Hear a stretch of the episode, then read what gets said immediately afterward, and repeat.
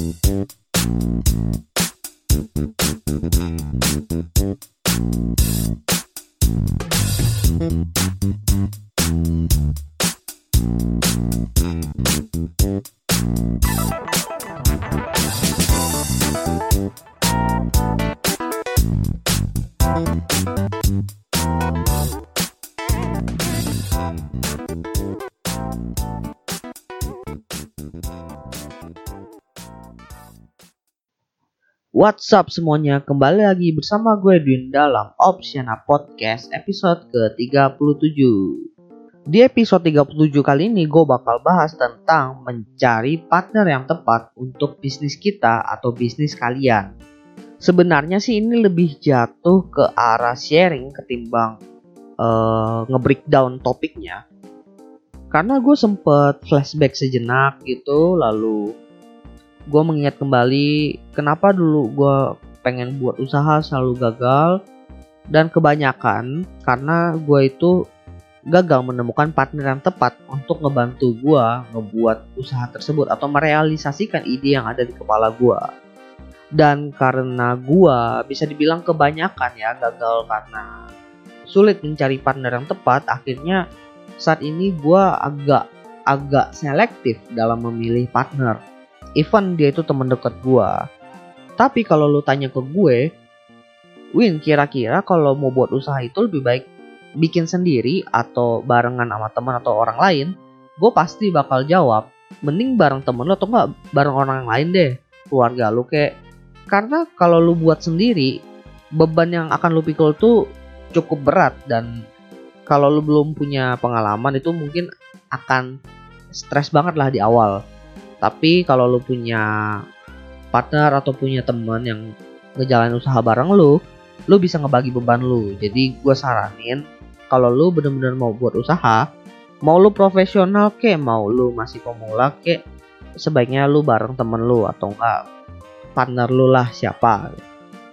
Meskipun gue bilang kalau lu mau usaha bareng temen lu atau bareng orang lain atau bareng ya keluarga lu kayak tapi bukan berarti lu bisa menemukan partner yang tepat meskipun dia itu ada di dalam lingkaran lu. Gue sendiri adalah tipe orang yang cukup sulit buat mencari partner yang tepat.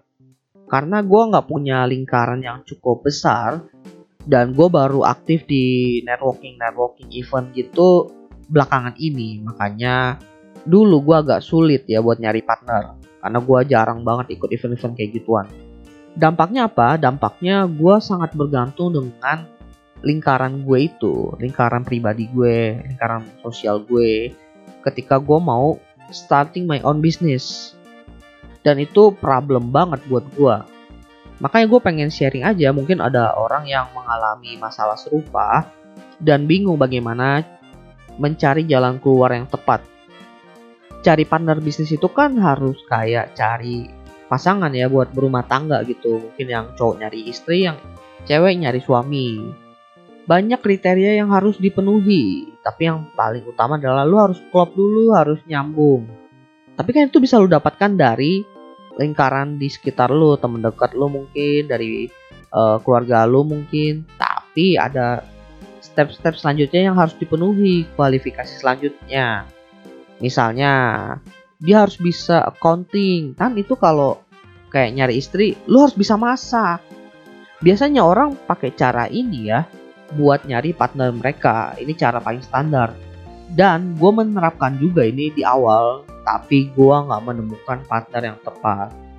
Oke, gue punya temen yang enak diajak ngobrol, deket, dan dia jago ngoding.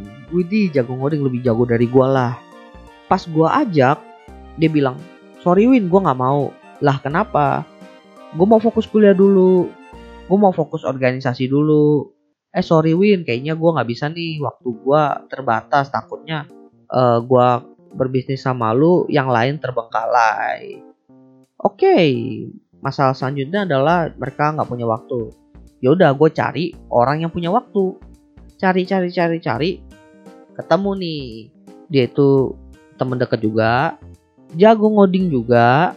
Dan dia punya waktu. Alias gabut. Gua gua ajakin dong.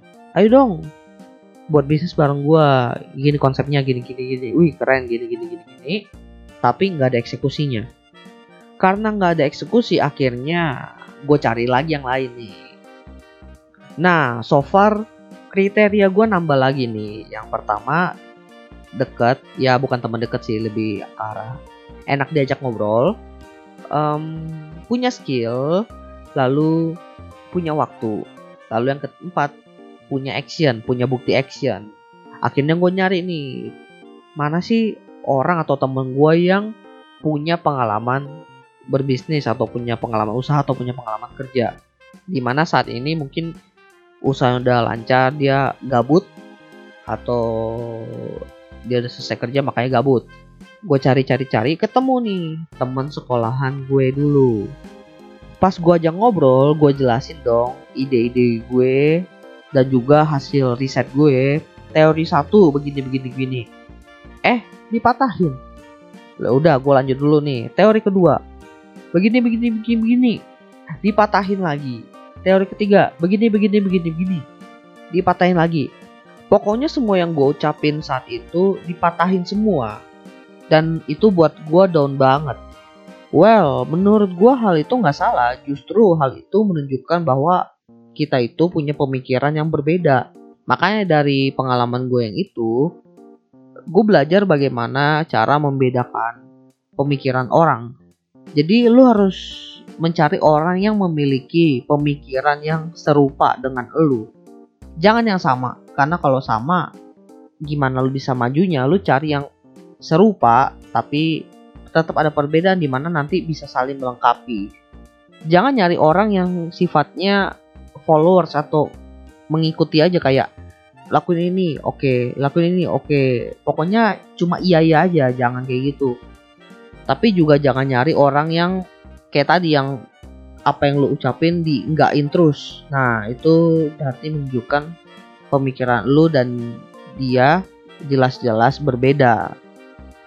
Oke sekarang masuk ke bagian yang cukup sensitif di mana setelah kita memenuhi beberapa kriteria yang tadi udah gue sebutin yaitu enak diajak ngobrol punya kemampuan atau skill, lalu memiliki pemikiran yang serupa, terakhir kita harus cari orang yang terbuka soal uang.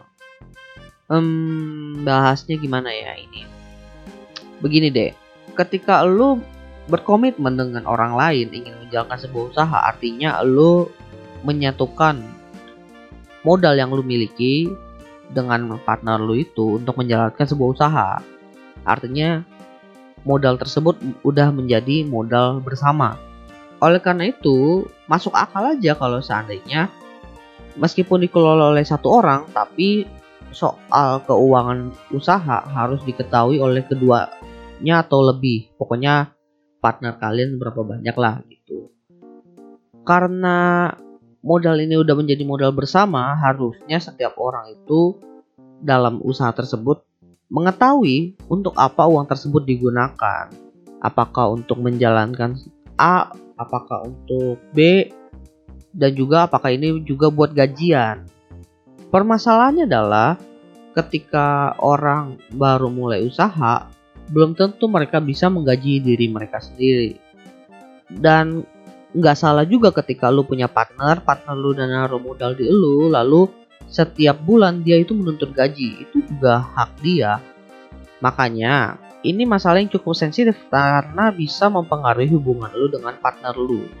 Makanya sebelum kalian mulai usaha, coba bicarakan dulu terkait hal ini.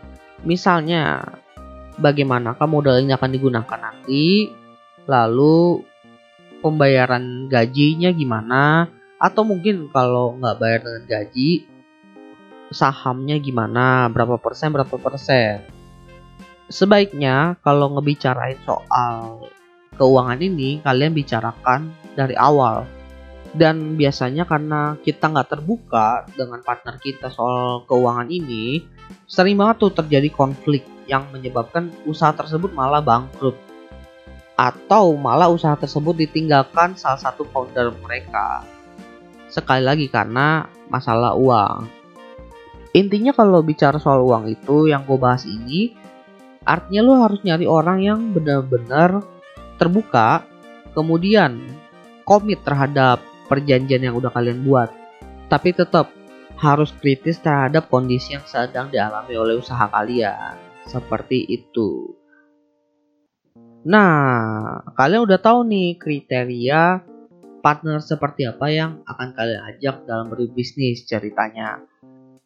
Sekarang, bagaimana caranya agar kita bisa menemukan partner yang tepat buat kita?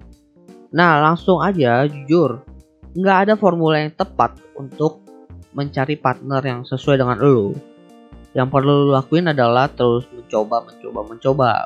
Temui orang baru, apakah cocok dengan lu? Kalau nggak cocok cari yang lain. Seperti itu. Karena kalau dibilang teman dekat pun belum tentu bisa berhasil. Keluarga pun belum tentu bisa berhasil. Makanya agak tricky kalau seandainya bilang kalau lu mau punya partner bisnis yang tepat ya udah orang terdekat lu aja. Itu nggak 100% benar. Yang benar adalah kalian terus mencoba mencari sampai kalian menemukan orang yang benar-benar tepat untuk kalian.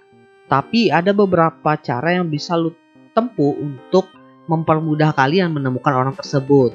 Yang pertama kalian ikut event-event networking. Kan banyak tuh sekarang event-event networking yang diadain di kampus-kampus atau enggak uh, dari korporat-korporat dari luar biasanya juga ada. Yang Indo juga ada misalnya kayak Tech in Asia, Backcraft, dan masih banyak lagi. Lalu cara yang kedua ini yang menurut gue favoritnya anak milenial saat ini, traveling. Dengan traveling lu bisa menemukan teman-teman sesama lu yang milenial juga yang juga suka traveling di mana ketika kalian ngobrol tiba-tiba bisa klop dan ternyata punya pandangan yang sama kalian bisa membuat usaha bersama karena kalian punya hobi yang sama mungkin atau pandangan yang sama mungkin? Nggak ada yang tahu. Kan orang bisa beda-beda ya.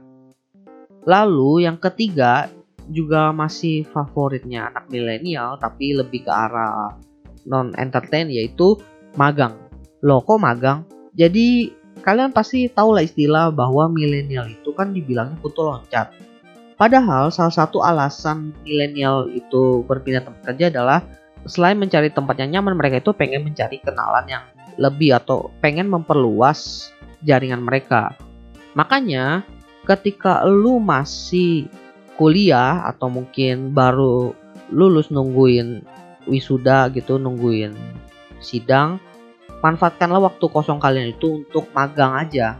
Magang itu kan nggak terlalu terikat seperti lu full time di sebuah perusahaan. Sisi positifnya adalah lu yang pasti nggak begitu terikat. Yang kedua, lu tetap bisa networking dengan orang-orang di sekitar lu. Siapa tahu lu menemukan orang-orang yang cocok dengan diri kalian. Apalagi kalau udah lingkungan kerja gitu kan lebih profesional, lebih punya rasa tanggung jawab ya. Dan juga waktu magang itu kan nggak begitu lama, nggak kayak full time. Biasanya kan full time itu ada kontraknya satu tahun. Sedangkan magang itu biasanya tiga bulan sampai enam bulan. Artinya nggak begitu lama. Kemudian cara keempatnya adalah kalian cari event-event sosial. Sekarang kan banyak banget tuh bisnis yang bergerak di bidang sosial atau bisa dibilang sosiopreneur. Salah satu motivasi mereka adalah untuk memecahkan masalah sosial di masyarakat.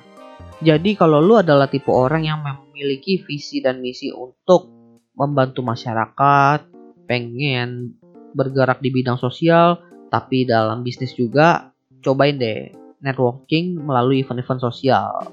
Toh sebenarnya kan entrepreneur itu punya konsep menyelesaikan masalah.